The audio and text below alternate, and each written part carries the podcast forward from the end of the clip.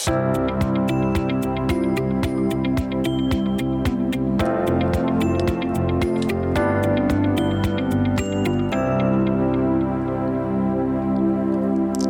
velkommen til denne podkasten, som skal handle om sakprosa bildebøker for barn. Vi skal ta utgangspunkt i en helt trykkefersk bok som heter Seriøst om sakprosa for barn. For at dette ikke skal ende opp som reklame for den boka, så har Universitetet i Sør-Norge invitert helt, meg helt fra Bergen og hit til barnehagelærerutdanningen på Bakkenteigen for å lede samtalen. Og jeg, jeg heter Guri Fjellberg og jobber som kritiker. Jeg anmelder først og fremst barnebøker for Aftenposten. Med meg i studio har jeg de to forfatterne bak boka. Trine Solstad, du er dosent i norskundervisning her ved Institutt for språk og litteratur, Universitet Sørøst-Norge. Du har skrevet doktorgrad om å lese bildebøker med barnehagebarn. Og boka dere lanserer nå, det er langt fra den første fagboka du har skrevet om lesing av litteratur. Det stemmer, det. Ann Marie Bugge, du er debutant. Der, du er, dette er din første fagbok. Du jobber som journalist. Eh, men du har jo også undervist her ved universitetet. Og så vet jeg du har en master i faglitterær skriving, og at dere har jobba sammen i Bildebokfestivalen her på Bakkenteigen. Hva er det for en bok dere lanserer nå? Det er mm, jeg og Trine som har eh, vært ute og vi har vært nysgjerrig på hva sakprosa for barn er. Og måten vi har gått fram på, er at vi rett og slett har dratt ut og møtt folk i feltet. Vi har møtt både sakprosaforfattere og sakprosaillustratører, hvis det er noe som heter det. Og eh, vi har hatt samtaler med totalt 21. Har vi det, Trine? Eller er det 20 vi har snakka med? Og um, så har vi da basert uh, boka i, i, stor grad på disse samtalene. Hva er det dere har prøvd å finne ut? Hva sakprosa betyr for de som skriver det, og de som tegner det. Og vi har prøvd å finne ut hvordan de retter seg uh, mot barna. De barneleseren hvilken taktikk de har, eh, hvordan de har tenkt, eh, hvorfor de gjør som de gjør. Så det er, det er barneleseren vi, vi, har hatt med oss inn i, i, alle samtalene og prøvd å finne ut hvordan de bygger bro da, mellom fagstoffet og, og barna. Men ja, og det er jeg jo helt eh, enig i. Vi har også ikke bare hatt de barneleserne i tankene, for vi har jo også hatt Eh, de voksne leserne i tankene. For du spør hva slags bok dette er. Det er jo også en bok med, som henvender seg til litteraturformidlere. Og kanskje først og fremst har jeg tenkt på studenter, på ferske litteraturformidlere. Den 20-åringen som skal ut og skape møter mellom barna og bøkene. Så det er jo også noe vi har prøvd å finne ut av. Hvordan kan man skrive på en måte for de? Eh, personene der, som kanskje eh, eh, vi ønska å formulere oss kanskje på en annen måte enn den klassiske forskningsartikkelen. Vi ønska å komme de leserne også i møte. Samtidig som vi undersøkte, sånn som Ann Mari sier, at vi undersøker også hvordan kommer bildebokskaperne sine lesere i møte. Ja, jeg kjenner meg litt igjen i dette her, hvor vanskelig det kan være å vurdere sakprosabildebøker, altså som kritiker. Fordi det er så vanskelig å vite hvilke valg de har hatt. Altså, hva har de hatt, Hvilke muligheter har de hatt når de skal lage en, en sakprosabildebok? Fordi det nettopp, som dere påpeker, er både tekst og bilder og design som, som spiller veldig aktive roller i, i, det forsøket på å fenge leserne. Og så har dere rett og slett reist ut for å spørre dem om det. Mm -hmm. Eh, her har jeg med meg en eh, veldig klassisk eh, bok. Altså, dette er en av de sakprosabøkene for barn som selges aller mest. Dette er ofte barns aller første møte med sakprosa for barn. og Nå skal vi høre litt på den. Hører dere kattungen da?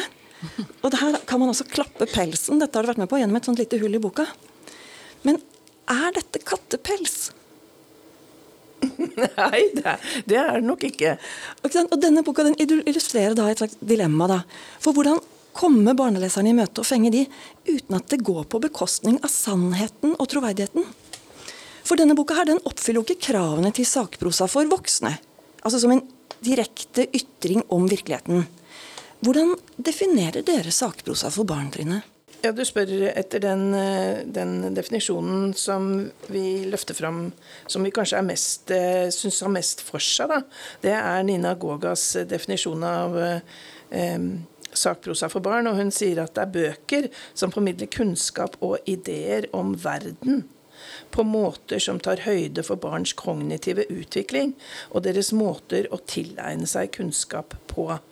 Um, når vi presenterte den definisjonen for våre eh, samtalepartnere, så, så var det jo flere som syntes at eh, eh, kanskje det signaliserte veldig mye tekst. Og ikke bilde. Særlig illustratørene fant seg ikke liksom til rette og følte seg ikke omslutta av den definisjonen. Fordi eh, det er jo noe vi vet at eh, sakprosa for barn er veldig rikt illustrert.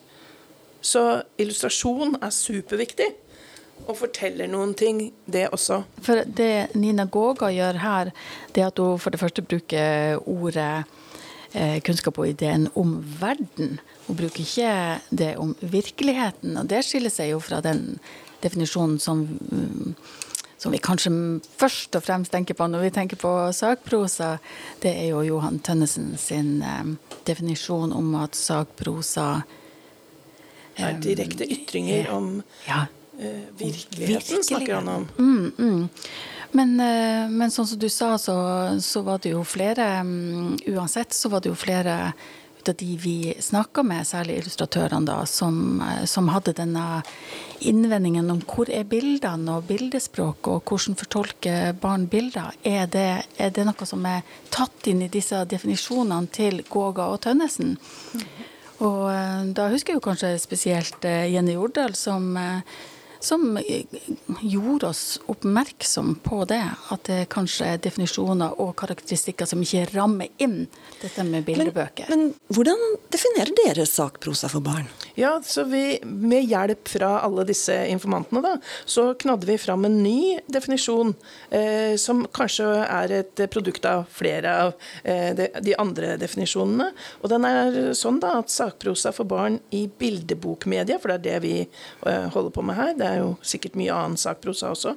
Men bildebokmedia er multimodale framstillinger hvor ord og bilder i samarbeid presenterer kunnskap og ideer om verden. Og så har vi bygd inn eh, Jenny Jordals eh, innvendinger mm, og, og forsøkt å få med det visuelle eh, i større grad, eh, og sagt de multimodale tekstene eh, innehar et barneperspektiv og framstiller kunnskap på måter som visuelt kognitivt og emosjonelt er tilrettelagt for barn. Og eh, disse tinga eh, snakka vi faktisk med bildebokforfatterne om. Særlig syns jeg vi snakka mye med eh, illustratørene om hvordan de forholdt seg til eh, eh prøvde å ta vare på barnets eh, emosjonelle eh, tilstand eh, underveis i lesinga. Eh, skulle ikke være for eh, dristige bilder, eh, men heller ikke for snille og nusselige. Ikke bare kattepels å stryke på. Nettopp, så Deres definisjon tar høyde for at det er veldig syntetisk, den kattepelsen jeg hadde oppe med den lille boka jeg viste fram innledningsvis her. For da sier dere at eh, teksten skal være en ytring om verden, men at illustrasjonene kanskje kan tøye det litt for å tilpasse den verdenen til noe barn kan på en måte la seg fascinere av. Mm, jeg tror det er riktig. Eh, elleve eh, bøker, 20 informanter. altså blant bildebokskaperne. Da. Hva skulle til for å bli en utvalgt forfatter og illustratør i deres øyne? Det hørtes jo staselig ut, det, da. Å bli utvalgt. Eh, nei, det, det, som er å si, er jo at det finnes eh, et vell av gode, fine, flotte eh, sakprosabøker for barn og bildebøker for barn. Men for oss så bestemte vi oss jo for å se på sakprosa-bildebøker. Og for å finne et utvalg som kanskje ikke bare dreide seg om hva vi liker sjøl, og hva vi kjenner til sjøl, og, og, favoritter og sånt, så gikk vi til um, Kulturrådet sin innkjøpsordning. Kulturrådet har en innkjøpsordning, uh, og den innkjøpsordninga for uh, barn og unge på sakprosafeltet var den vi gikk til og så på hvilke bøker som var kjøpt inn i den perioden som vi starta samtalene, altså i 2019. Og så har dere valgt blant de bøkene? Mm, riktig. Og da, da, var det jo ikke liksom Vi må jo si også det at vi, det, vi ønska jo vi, vi, vet at eh, det er masse pusebøker der ute, og dyrebøker. Eh, og det kanskje er liksom De fleste bøkene har til nå kanskje handla om dyr og dyrs måte å leve på. Men vi ville jo nettopp ha bøker som tok opp forskjellige typer temaer, for å vise at sakprosa for barn eh, er veldig mange ting, handler om mange ting, om verden på mange måter. ikke sant? Så det er, jo, det er jo ikke bare dyr. Vi måtte finne noen som snakka om andre ting. Vi fant en biografi.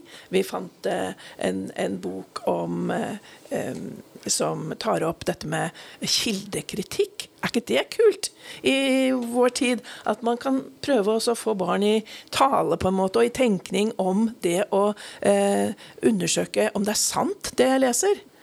For det er jo faktisk ikke alltid sant, det du leser, eh, heller. Så vi prøvde liksom å finne på spørsmålet ditt om hva som måtte til. Vi prøvde å finne så mange ulike tematikker som vi bare kunne.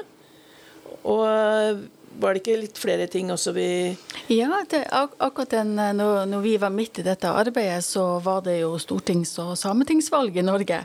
Og, og, vi så jo at det var flere utgivelser som ja, flere forlag da, som valgte å gi ut bøker som handla om eh, demokrati og det å ruste barneleseren for å bedre forstå samfunnet vi lever i.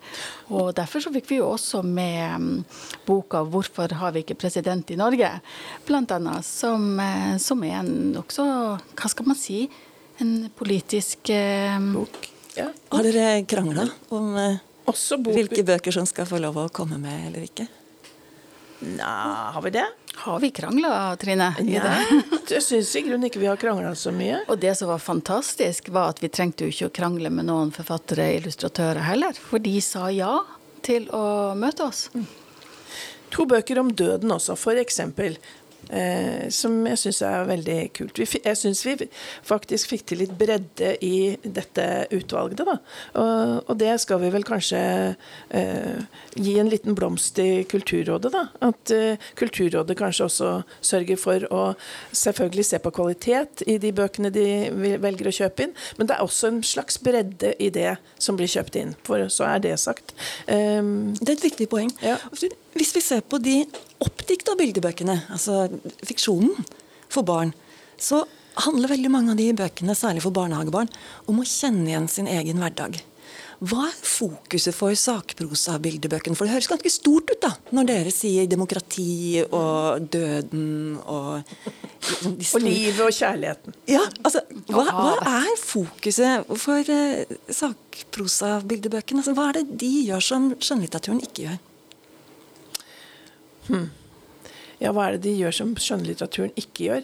Der er vi, det, eh, jeg tenker jo at de låner veldig mye fra skjønnlitteratur. De låner fortellingen fra skjønnlitteraturen.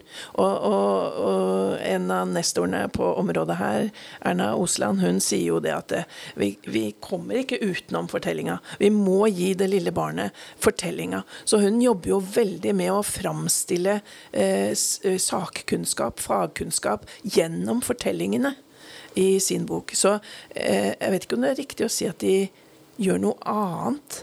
Eh, for de bruker faktisk mange av de samme måtene å fortelle på. Men de gjør også det som kjennetegner den, si, den akademiske teksten, hvor de framstiller eh, kunnskap i hierarkier. Eh, altså ikke som en fortelling, men i, samler sammen og kategoriserer eh, lager og klassifiserer. F.eks. sånn som man gjør når man skriver om insekter. Jeg har hørt noen som sier at å lese er å se. Det er å se seg selv, det er å se andre, det er å se verden, og det er å se muligheter. Og kanskje sakprosen er den som i størst grad lar oss se verden. Kan det stemme? Ja, tror den lar eh, oss se verden, men jeg tror også Jeg, jeg, syns jeg lærte gjennom de samtalene at de som vi snakka med, sa veldig ofte at eh, de måtte henge på eh, det, menneske, menneskelige faktoren. Til og med når man skriver om blåhval, så sier Andreas Tjernshaugen at ja, men jeg skriver jo om fødselen til blåhvalen. Jeg skriver om noe som barnet kan gjenkjenne som sitt eget. Altså det vi har felles med pattedyra. At vi, vi blir født, vi har mødre, vi får melk av mammaene våre. Sånn snakka han om dette også. Så, så, som veldig bevisst på hvem han henvender seg til. Han starter ikke med at vi fiska havet tomt for blåhval, men om det du kan identifisere deg med som barn. Fordi Det er jo noen som sier at det, det er en overvekt av naturfagbøker i sakprosaen for barn, og det har vel dere også funnet ut.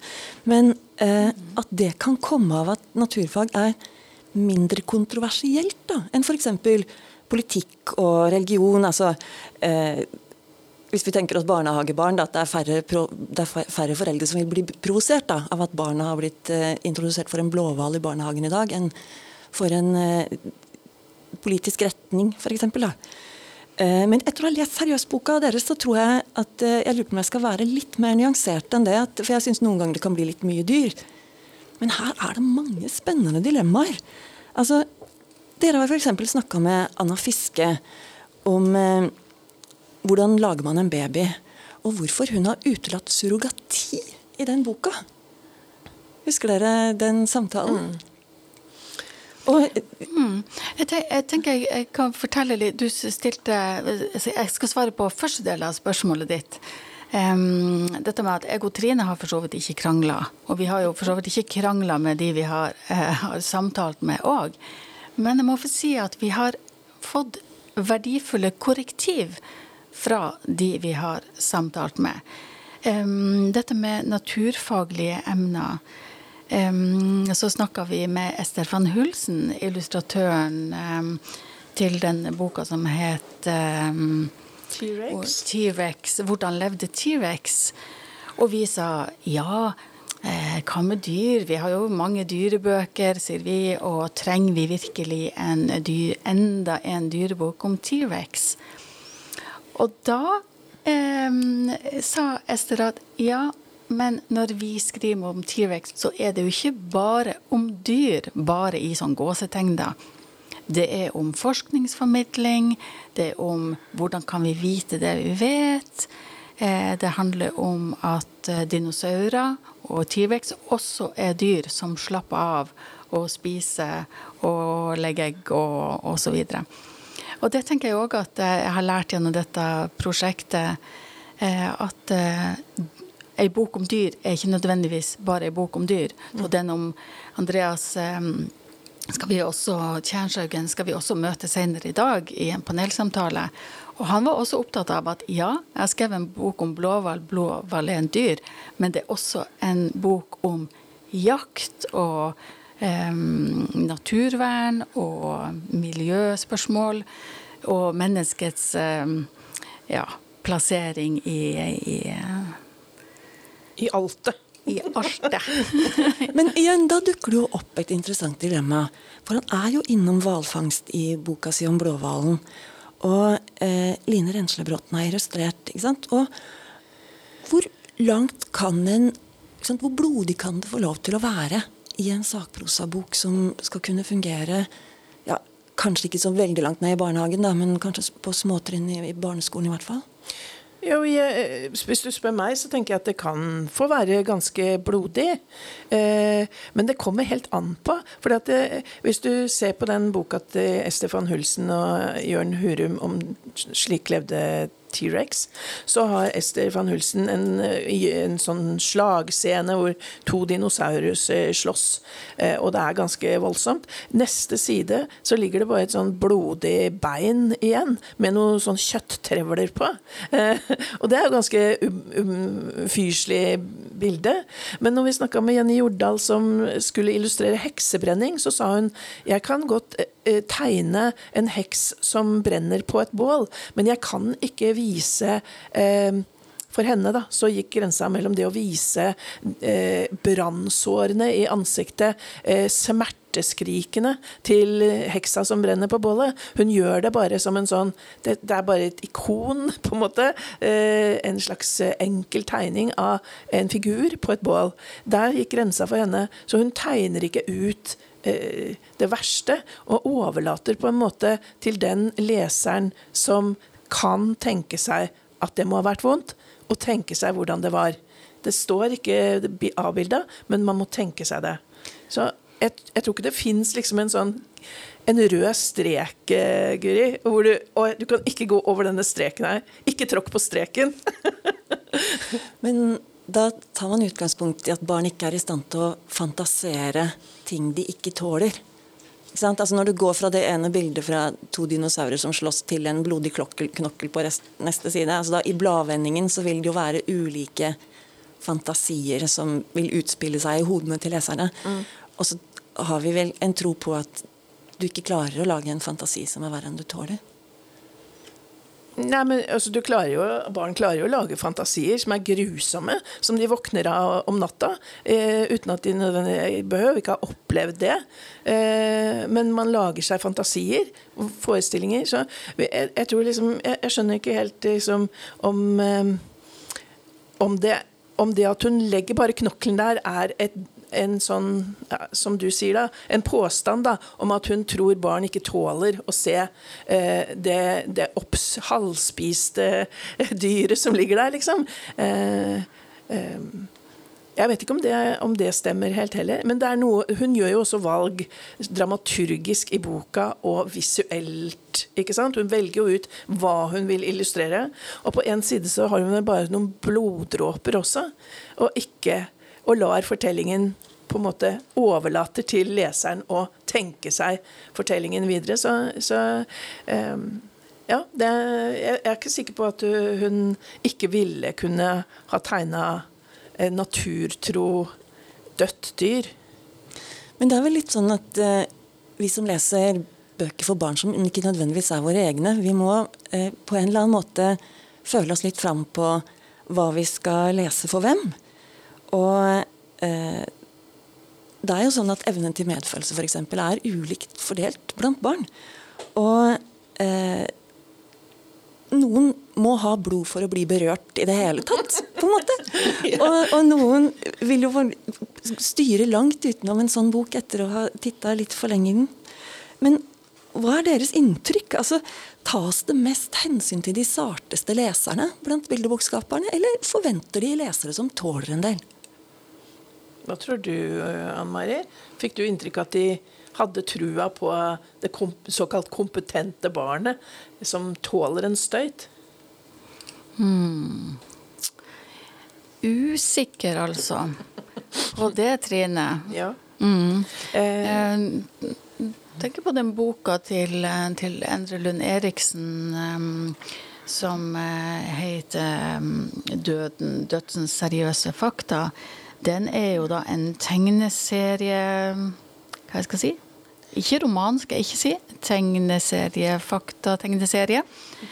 Og, um, og, i denne boka så er jo Sigbjørn eh, Lilleeng eh, helt sentralt, som, som sitter med tegne, tegnehånden. Denne boka um, henvender seg i og for seg til det kompetente barnet. Um, mm. jeg, jeg krever, jo en, krever, jo en, oppvakt leser.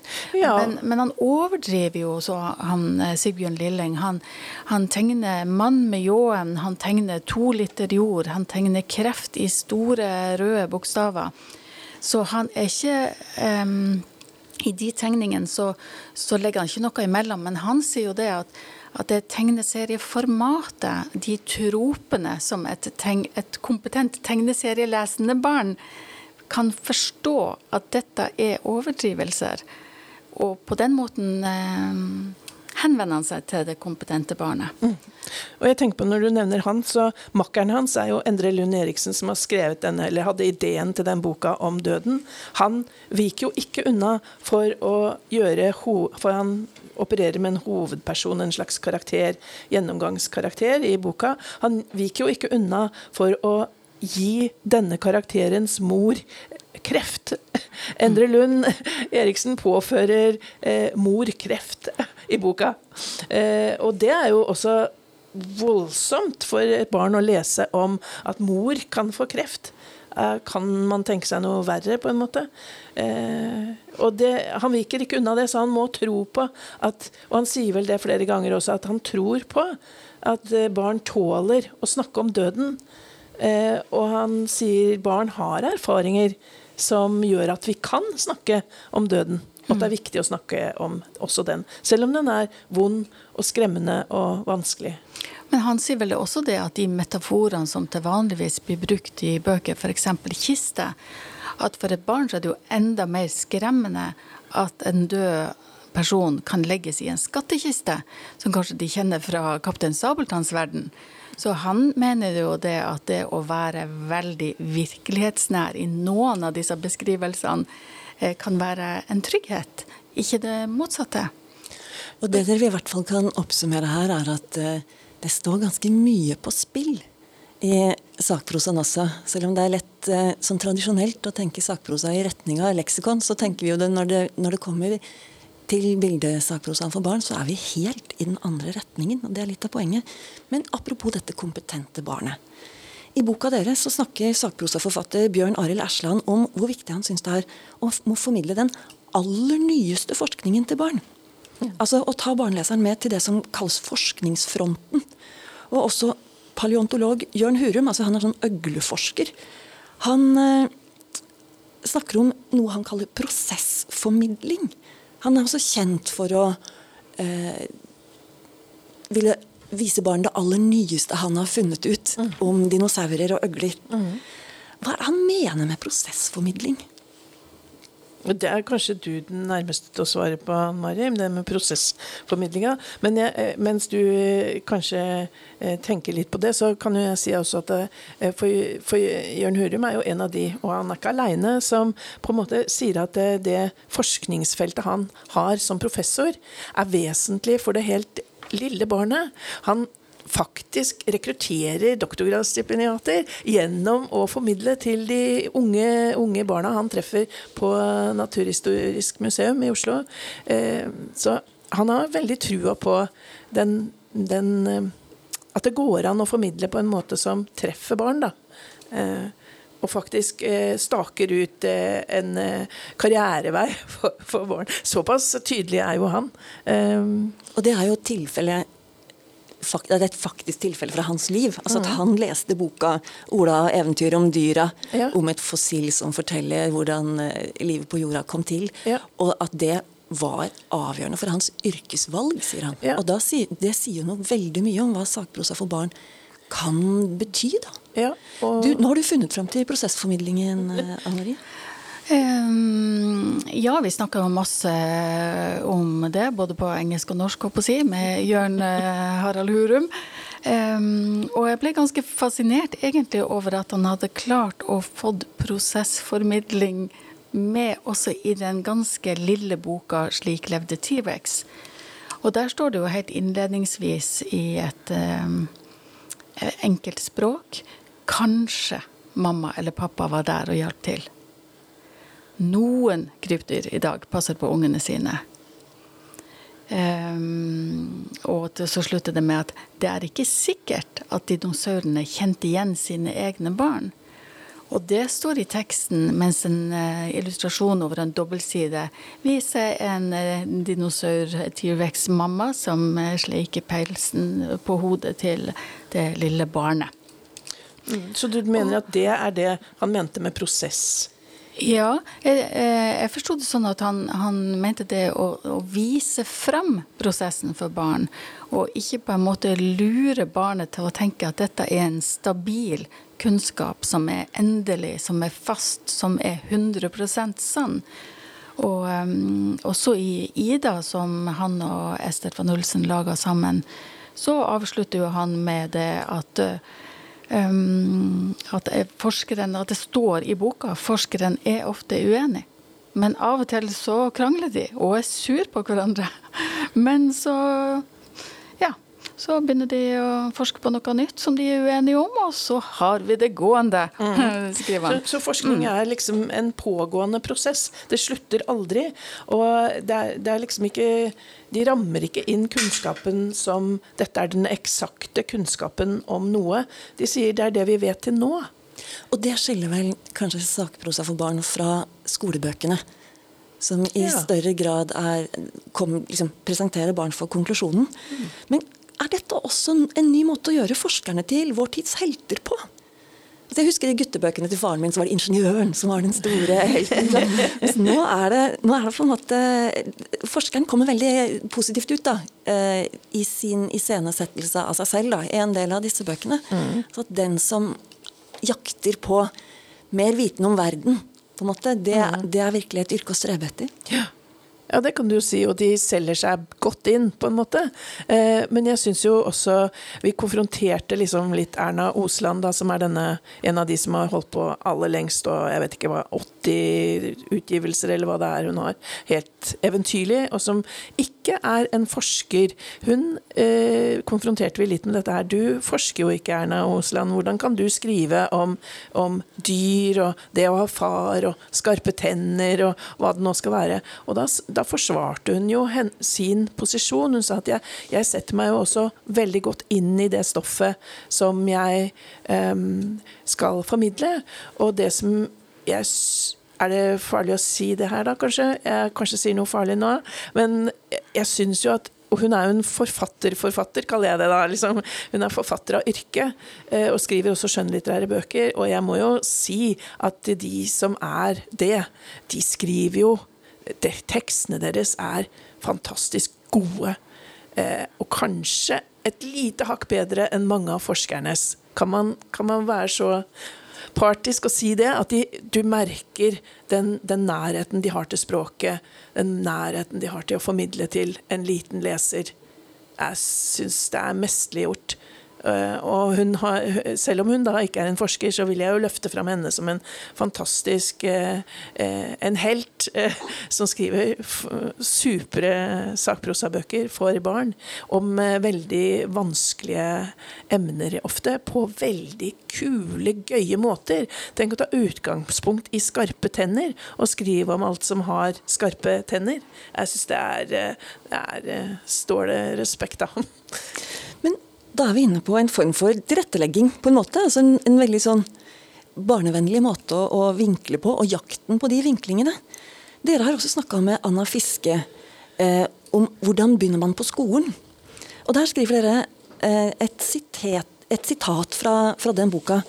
En lærer er veldig glad i elevene sine og gjør alt for at du skal ha det bra. Det skriver Anna Fiske. Mm.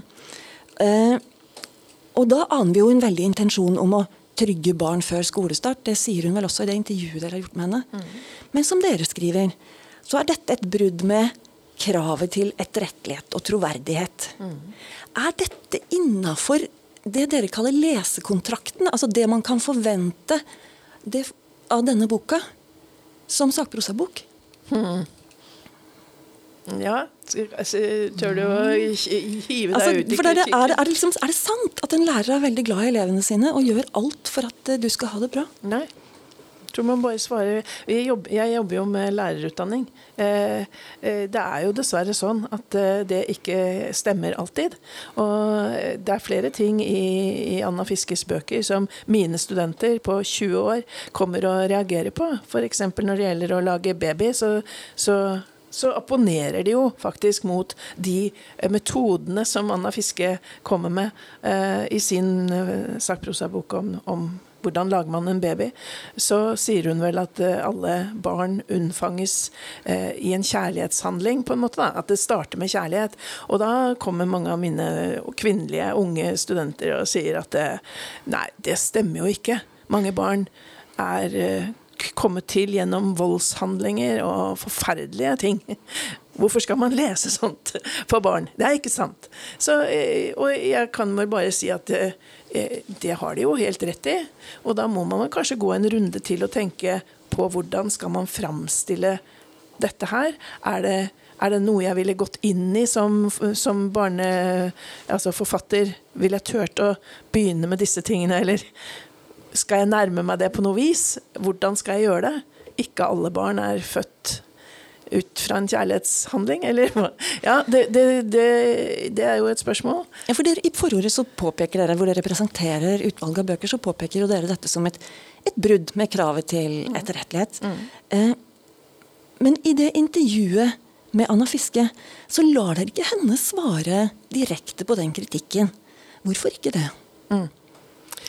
Jeg tenker jo også at uh, Anna Fisk um, i det intervjuet vi, eller når vi satt og samtalte med henne, at hun um, lærte på en måte også å se på bildene.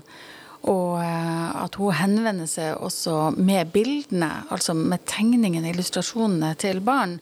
Så at, um, at hun håper da at barnet skal hun tror at barnet også ser på f.eks. ansiktsuttrykkene til jenta med den gule, prikkete kjolen. Og at de ser at hun gruer seg, og at de ser at hun er spent. Um, og Anna Fiske sier at mange følelsene av, av det hun skriver, følelsene legger hun i bildet, mens teksten holder hun ganske nøktern og ren. Så det kan jo være også sånn Eh, tenker jeg da, at, eh, at de voksne også leser teksten mer, legger mer vekt på den verbalteksten enn bildene. Så det, sånn, sånn, eh, sånn tenker, forsto jeg henne når vi samtalte med henne. Og, og det er nå i hvert fall et poeng også som, som, er åpenbart viktig når vi snakker om bildebøker. Ja, men det er vel, det er vel riktig å si også, at vi, at vi eh, vi valgte å ikke være kritiske journalister når vi møtte disse øh, folka. Vi valgte å øh, vi prøvde å få dem til å si så mye vi kunne få ut av dem om det de drev med, men vi overlater mer til leseren i samtalen å vurdere det Anna Fiske sier. Man må selv tenke gjennom ja, var dette her fint svart? Er det tilfredsstillende? Er det nok for meg som leser her? Eh, eller vil jeg tenke at ja eh, Bøkene hennes blir ofte sett på liksom sånn Man hyller dem for mangfoldet. Men, mens det er jo Hvis man begynner å se etter, så er jo det er kanskje en viss type mangfold der, i hvert fall. ja, for dere påpeker at det er jo ingen jålete mødre og barn Nei. i hennes illustrasjoner. Nei. Men igjen, dette sier dere i introduksjonen, og hun får ingen direkte spørsmål om det i intervjuet. Og rent sånn journalistisk, intervjuetisk, mm. så ville nok min redaktør sendt meg tilbake igjen mm. og bedt meg spørre en gang til, fordi at hun da skal liksom ha rett til å svare på det. Men når dere forsker og gjør det i bokform, da er det kanskje andre etiske regler som gjelder? Ja, altså, Det er etiske regler som gjelder. Og hun har fått lese eh, alt sammen. Alle forfatterne og illustratørene har lest sine eh, samtaler etter at vi har skrevet dem ferdig og ut. Og fått lov å respondere på de, endre på ting. Eh, rett og slett. Sånn, gå inn og si at nei, dette var klønete formulert, og jeg ville heller sagt det sånn og sånn. Og vi har tatt det til etterretning. Så hun har lest det som Men hun har ikke lest introduksjonen, ikke sant? Så hun har ikke lest nei, den ikke kritikken lest, av seg? Nei, nei. Så det, og det er jo, eh, det er jo eh, Det er jo et spørsmål om det er eh, riktig å gjøre, da. Men jeg tenker jo at det, Eh, her, her, leverer de jo fra seg, de vet hva de leverer fra seg. De har fått mulighet til å eh, svare på spørsmålene, og de svarer det de svarer.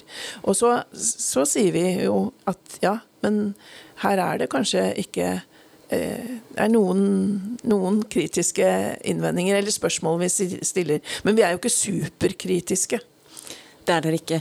Og det jeg syns er eh, interessant, det, altså, for på den ene sida så vil jo dere på en måte la informantene få snakke for seg sjøl, og at jeg kan, som leser kan få tenke for meg sjøl. Men så har jeg vært litt ute etter å prøve å finne ut Hvis jeg skulle lagd en sakprosa for barn, hva ville vært det smarteste å gjøre? Og nå er jo dere på en måte de nærmeste til å komme med noen konklusjoner. Og det er jo sånn som jeg ser da at eh, sni, som går an å lese da, i de små detaljene hos dere, nettopp med hva dere syns er etterrettelig og ikke, hva dere definerer innafor mangfoldet, f.eks. At dere har eh, ja, sett på noe jeg ikke hadde tenkt på om mangfoldet i Anna Fiske sine bøker, f.eks. Eh, for hva er det som fungerer best? Altså Hvis jeg nå skulle lagd en bildesakprosabok for barn, hvilke råd ville dere gitt meg? Ja, det kommer jo an på hvem du hva, hva vil du skrive om, og hvem vil du henvende deg til? Og hva tenker du om barn? Er de tøffe? Vil, vil du brette ut noe skikkelig dramatisk? Eller vil du egentlig bare eh, tenne bålet og la dem varme seg, og, og, og stryke på pussepelsen? Jeg har lyst til å lage en serie som skal hete 'Verdens dyreste tabber'. Og Der vil jeg ha med det fregattforliset i Hjeltefjorden, der Helge Ingstad sank. Altså Fire milliarder skattepenger eh, gikk eh, fløyten der. Det hadde vært fryktelig morsomt. Kunne blitt en Syns jeg du skal gjøre. eh, bok for barn. At du Ja. syns det, at det Ja. er innafor. Ja, absolutt. Jeg- hvis jeg skal trekke ut eh, noen noe dere liksom ser til å være enige med de fleste om, er f.eks. at jeg må være nøye med kildene. Nå finnes det jo rettsdokumenter her for eksempel, som jeg kunne brukt. Men eh, det ville jo eh, vært å henge ut nålevende personer, kanskje. Altså, det er jo noe med å gjøre m- som, Ha det litt moro på andres bekostning. Det er jo en kaptein og en los og litt av hvert involvert her. Men, men kanskje du burde hatt deg en sånn eh, Erna Osland anbefaler en, en karakter å fortelle gjennom. Så kanskje du burde hatt en liten sånn obsternasi journalist eh, i, som karakter i den boka di, som driver og tror han kan finne, eller hun kan finne ut av det meste gjennom disse dokumentene osv. Kanskje hun må ut og intervjue noen. Eh, Kunne jeg kunne dikta inn en skipsrotte? Ville Ja. det vært innafor? Eh, det tror jeg du kan i, i dag. Eh, så sant eh, rammen din er eh, troverdig. Eh, hvis rotta har en funksjon eh, i teksten her, eller i dramaet ditt, så, eller i faktaopplysningene, så tror jeg du kan det.